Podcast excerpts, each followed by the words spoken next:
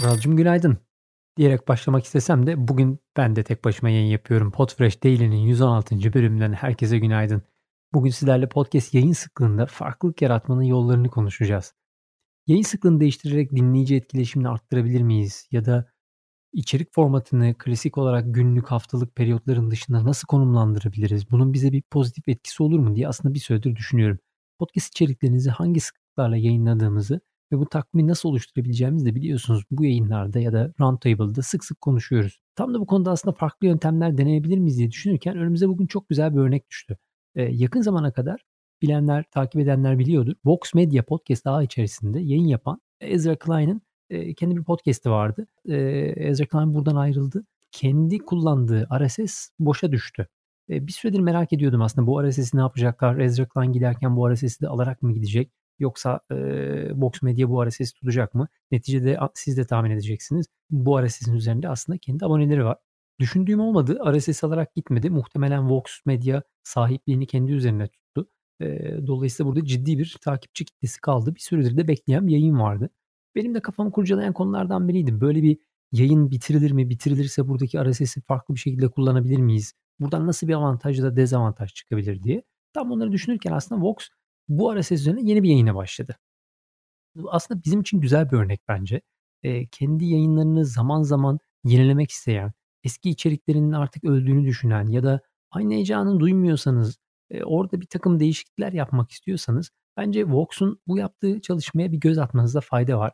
E, Vox Quick Bites adıyla yeni bir yayın başlattı Vox Media. Burada gün içerisinde kısa kısa hepimizin bildiği konuştuğu gibi aslında mikro podcastlere başladı.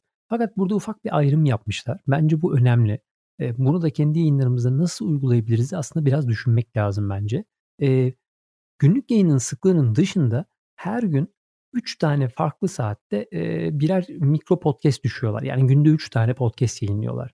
Biliyorsunuz genelde işte günlük, haftalık ya da 2 haftada bir ya da aylık. Aylık pek olmuyor ama en azından 2 haftalık yayınlardan bahsediyoruz. Ama günlük yayını daha sık yapmak enteresan bir fikir. E, vakti olan, ekibi olan, elinde cidden yoğun bir konusu olanın aslında düşünmesi gereken yöntemlerden biri olabilir diye düşünüyorum bunu. Bunu Uraz geldiği zaman onunla da tartışmayı düşünüyorum aslında. Onun fikrini de merak ediyorum açıkçası. Bugün ona saklamıştım o konuyu ama biraz sizle beraber düşünelim bunu. Kendi yayınınız için böyle bir şey düşünür müsünüz? Böyle bir vaktiniz varsa böyle bir plan yapılabilir mi sizce yayınınız için? Nasıl etkisi olabilir? Bence kendi içinizde de bir düşünmekte fayda olur. Beni aslında çok heyecanlandırdı. Buna bir vakit ayrılabiliyorsa ve ekip oluyorsa gün içerisinde farklı farklı konularla aynı kitleye birer kere daha ulaşabilmek. Bu arada Vox Media her episodu e, gün içerisinde farklı bir konuya odaklıyor. Dolayısıyla 3 farklı zamanda 3 farklı konu dinliyorsunuz. Hani biraz şey gibi oluyor bu. Netflix'te e, çıt çıt aslında kanal değiştirmekten keyif alıyoruz. Çok içerik olmasını seviyoruz ve istediğimiz an bir içeriğe kavuşmak istiyoruz. Ama podcast'te bu öyle olmuyor.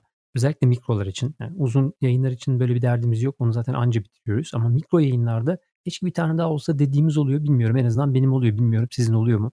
Oluyorsa ya da öyle hissetmiyorsanız lütfen Twitter'dan da bizimle paylaşın karşılıklı tartışma imkanımız olabilir.